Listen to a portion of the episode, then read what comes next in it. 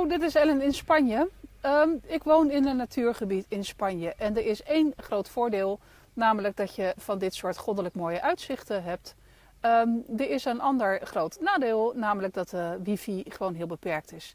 Ehm, mijn buurman heeft wifi en daar deel ik mee en het is einde van de maand en dan is het gewoon bijna op. Dus ik zit nu op mijn eigen wifi en ik hoop dat dat uh, goed gaat. Ik ga de uitzending doen uh, van buiten, omdat het uh, niet zoveel wind is. Als je te veel last hebt van de wind en je hoort me niet, stuur me dan even een bericht, dan uh, verhuis ik weer naar binnen.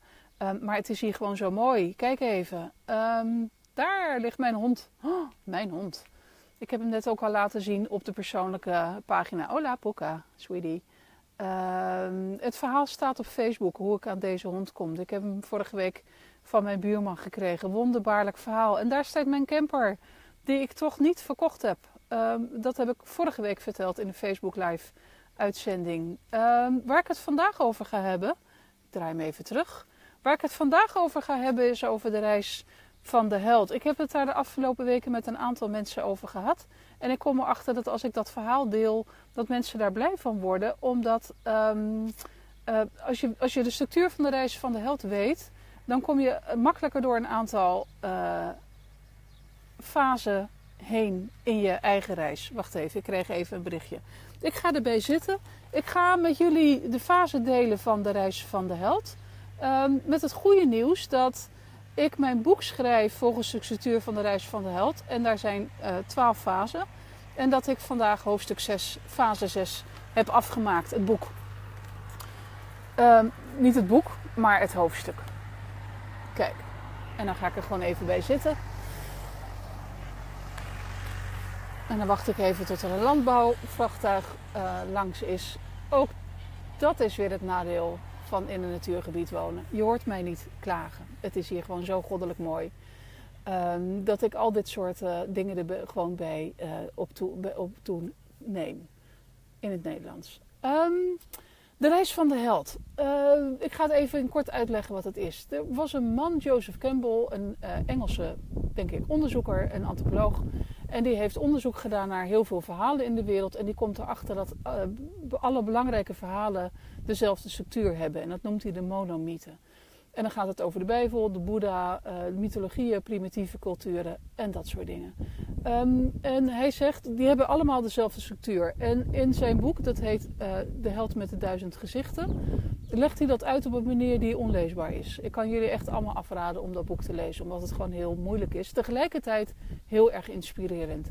Uh, wat hij zegt, je hebt in feite drie fasen, namelijk zoals in de primitieve culturen. Je hebt een, een jongeling die, die ergens woont, vaak nog bij zijn moeder um, en een redelijk gewoon leven leidt. Dan een tweede fase krijg je de initiatie um, en wordt een volwassene. En dan is het de derde fase, uh, de terugkeer. Dat is de meest simpele structuur van de uh, monomythe. Um, hij, in zijn boek, de, de Held met de Duizend Gezichten, heeft hij ook weer vijf fasen. En vervolgens zijn er allemaal andere mensen gekomen. Um, en die hebben vertalingen gegeven van het werk van Joseph Campbell. En die, die delen de reis van de held weer in, in andere fasen met, met een andere hoeveelheid. Um, ik heb mijn, uh, ben mijn boek nu aan het schrijven, Ellen in Wonderland, gebaseerd op een boek van Mieke Bauma, De reis van de held in 12 stappen. En voor mij is dat gewoon het meest uh, overzichtelijke uh, overzicht. Ik ben dat boek gaan lezen en dat is de, de reis van de held in 12 stappen. En dat is echt wel een bijzonder moment toen ik in Torremolinos of All Places, vlakbij Malaga, op de camping stond met mijn camper. En toen ik vier mannen kende in Malaga op dat moment. En de ene heette Salvador, de andere heette Ulysses, de derde heette Rafael en de vierde heette Angel. En toen dacht ik, dit is wel heel opvallend. Dat ik een beetje zo'n beetje de hele mythologie en de Bijbel achter me heb um, opgesteld. En ik voelde me daardoor ook uh, erg gedragen. Um, ik ben de reis van de held gaan lezen en ik heb dat op mijn eigen reis van de held geplakt. En het klopt wonderbaarlijk goed. Uh, als ik kijk naar mijn reis van de afgelopen 2,5 jaar en ik leg dat naast die 12 stappen, dan kan ik het uh, zo invullen. Dan, dan heb ik in die 2,5 jaar uh, heb ik al die fasen doorlopen. Um, en ergens tijdens die reis wist ik dus ook wat de volgende fase zou worden. En grappig genoeg was dat ook een geruststelling voor mij. Wat zijn nou die twaalf fasen? Ehm, ik heb ze even hier op papiertjes bij me, maar als ik ze jullie laat zien, dan doet hij met Facebook Live in, in, ehm, in spiegelbeeld. Dus daar hebben jullie niet zoveel aan, dus ik gebruik het gewoon even als mijn eigen spiekbriefje. Fase 1 uh, is de normale wereld. Er is nog niks aan de hand. Je leeft gewoon een leven en alles gaat goed. Maar er wringt al wel iets. Er is iets waarvan je denkt, hmm, ik ben er eigenlijk niet zo tevreden over. Even, ik neem even mijn eigen leven, mijn reis als voorbeeld. Um, ik had een huis in Nieuwegein, een succesvol bedrijf. Ik verdien een hoop geld. Ik had alleen geen tijd om het uit te geven, omdat ik altijd aan het werk was. Um, ik, zogenaamd was mijn leven helemaal alles in orde, maar er wrong wel iets. Er, was iets waarvan ik dacht, um, ja, nou ja, is dit alles? Dit, dit, ja, er moet, er moet toch meer zijn in het leven. de call adventure is de tweede fase en daarvoor wordt het spannend. Er is iets wat je roept. Je wordt door een een of andere omstandigheid uit je normale leven gehaald. En dat kan van buitenaf komen, dat kan een onverwachte gebeurtenis zijn. Het kan ook zijn uh, dat je eigen verlangen je roept om op reis te gaan.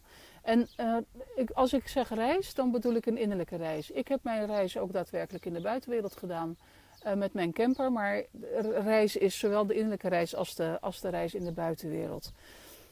Call to Adventure in mijn geval was dat, het, dat ik dacht, is dit nu alles? En ik had een camper gekocht en ik dacht, ja, hier word ik heel erg gelukkig van.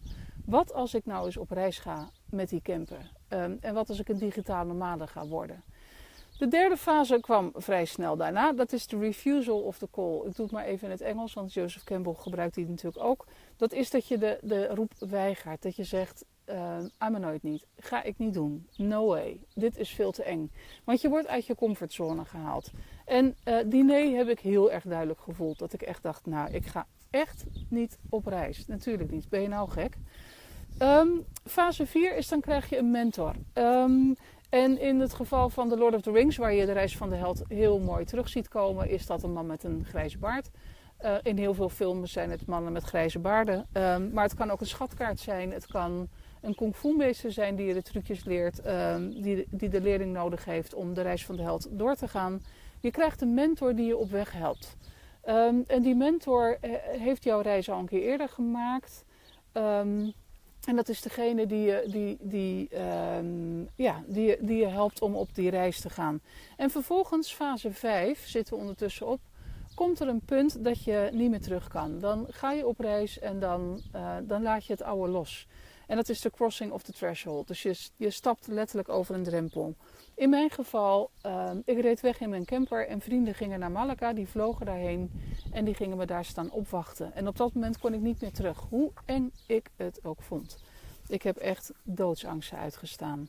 Fase 6, en dit is uh, wat ik, waarom ik deze uitzending ook doe, omdat ik dit hoofdstuk vandaag heb afgemaakt. Uh, fase 6 is Wonderland. Uh, dat is een fase waarin je mythologische figuren tegenkomt, waarin er dingen gebeuren die eigenlijk geen toeval kunnen zijn. Um, je krijgt bondgenoten, je krijgt ook vijanden, je krijgt draken die je gaat verslaan. Um, en meer van, van dat soort dingen.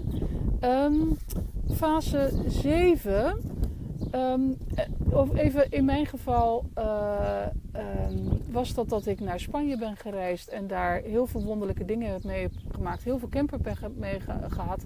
Maar ook een man tegenkwam met de naam Salvador. Hoe mooi kan je het krijgen? Dat betekent letterlijk de redder. Uh, die mijn camper heeft uh, gered. Dan komt er een fase, en dan moet ik altijd even spieken. Ja, dat noemen ze de approach. Je, hebt, je hebt in deze fase heb je kunnen oefenen met het verslaan van de raken, maar je bent nog niet echt je ultieme test tegengekomen. Daar ga je nu heen op weg. En er komt nu een fase waarin je nieuwe dingen gaat leren die je door die laatste uh, test heen uh, gaan, gaan helpen. Um, wat ik in mijn geval heb gedaan, ik ben naar Nederland teruggegaan. Ik heb een bedrijf verkocht. Ik heb mijn uh, huis opgegeven. Um, en toen komt fase 8 en dat is um, niet de belangrijkste crisis, maar wel een grote crisis. dan, dan maak je iets mee wat gewoon heel moeilijk is. En waarbij je bijna denkt, ik hou ermee op. dit is te moeilijk. Ik, ik, ik, hou, ja, ik, ik doe dit gewoon niet meer. Um, in mijn geval was het dat ik nadat ik mijn huis had opgegeven naar Boedapest ben gereden en dat daar uh, mijn camper helemaal in elkaar stortte. En het bijna niet meer deed. Er waren zoveel motorproblemen. Ehm, nou ja, dat ik, dat ik mijn huis had opgegeven en vervolgens werd mijn camper mijn huis. En vervolgens uh, had ik bijna geen camper meer. Ehm, omdat hij zo stuk was dat ik hem niet meer. En dat ik hem bijna niet meer kon repareren. Dat was een hele lastige fase. Ik heb heel lang moeten wachten op een goede uh, automonteur. Maar dan krijg je fase 9, de reward. Dat is je beloning voordat je toch bent blijven standhouden. En in mijn geval was het dat ik een automonteur tegenkwam die voor 150 euro arbeidsloon mijn auto heeft gerepareerd. En even, mijn camper heeft twee weken in de garage gestaan. Dus hij heeft echt heel veel gedaan. Uh, dit is echt een ja, wonderbaarlijke uh, beloning. Dan krijg je fase 10, zitten we ondertussen, dat is de reis terug.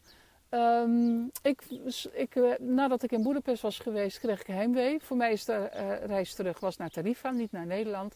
Um, ik kwam erachter dat Tarifa toch echt mijn huis was, of nog steeds is.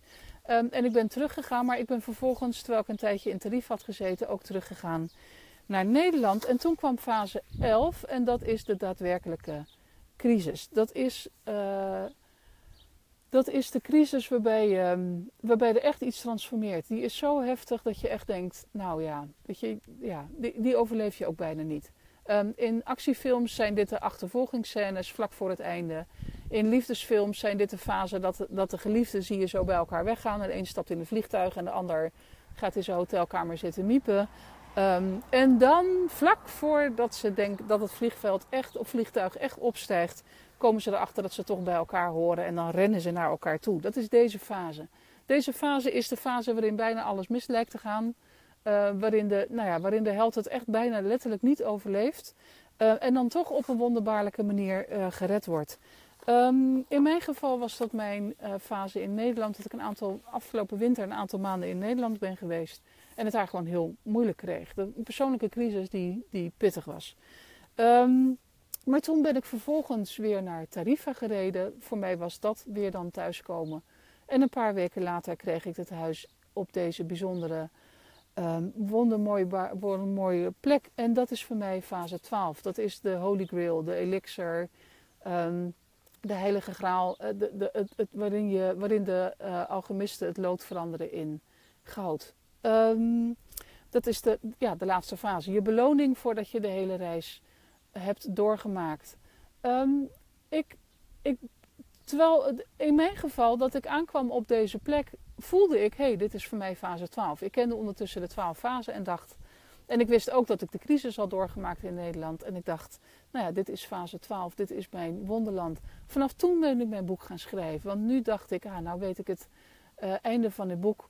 Uh, nu weet ik hoe het afloopt, nu weet ik precies hoe die twaalf fasen uh, zijn. En nu ben ik het aan het schrijven en kan ik het um, helemaal invullen. En ik merk um, dat als ik daar met andere mensen over praat, dat ze daar op de een of andere manier uh, blij van worden. Omdat, ja, omdat jij, als jij zit te kijken, dan merk je dat misschien ook. Dat je, terwijl ik het aan het vertellen ben, dat je merkt dat je het verhaal herkent. Het is, zegt Joseph Campbell, een verhaal waarmee we zijn geboren. Het is onze het zit in ons collectief bewustzijn. Um, um, vandaar dat ook alle verhalen en Hollywood scriptschrijvers en boeken die gebruiken heel veel deze structuur van de reis van de held, omdat uiteindelijk iedereen het kent.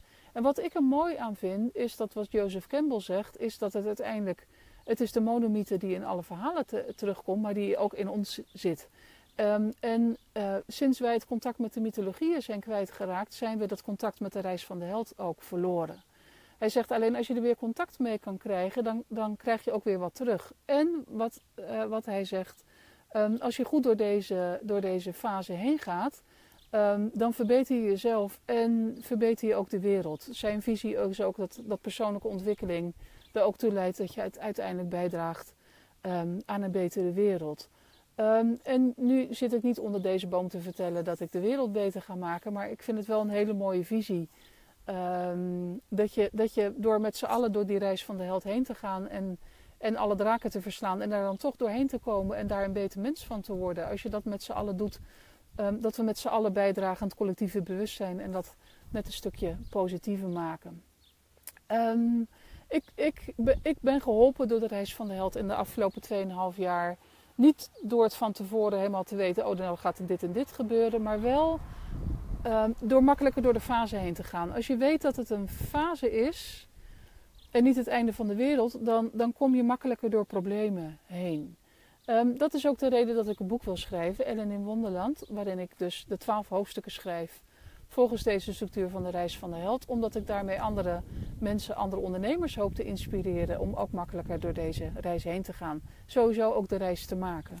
Um, want daar kom ik weer even terug. De call to adventure. Het is heel makkelijk om nee te zeggen. Ik heb toen ook bijna nee gezegd. Want het is, het is nogal een opgave. Het was niet een makkelijke reis. Maar ik ben wel heel blij dat ik er doorheen ben gegaan.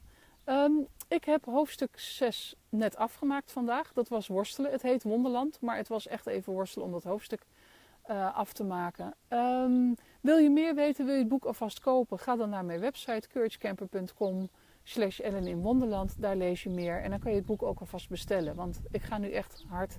Uh, en als ik het dan af heb, dan kan ik het je aan je opsturen. Een beetje zeker dat je het krijgt.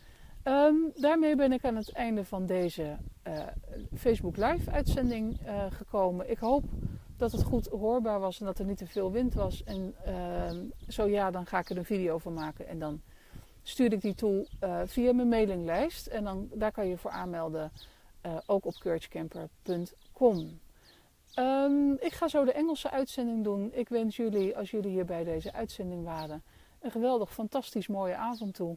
En dan zie ik jullie volgende week dinsdag weer om half negen. Gebruikelijke tijd van Ellen in Wonderland uh, Facebook Live. Doeg, doeg!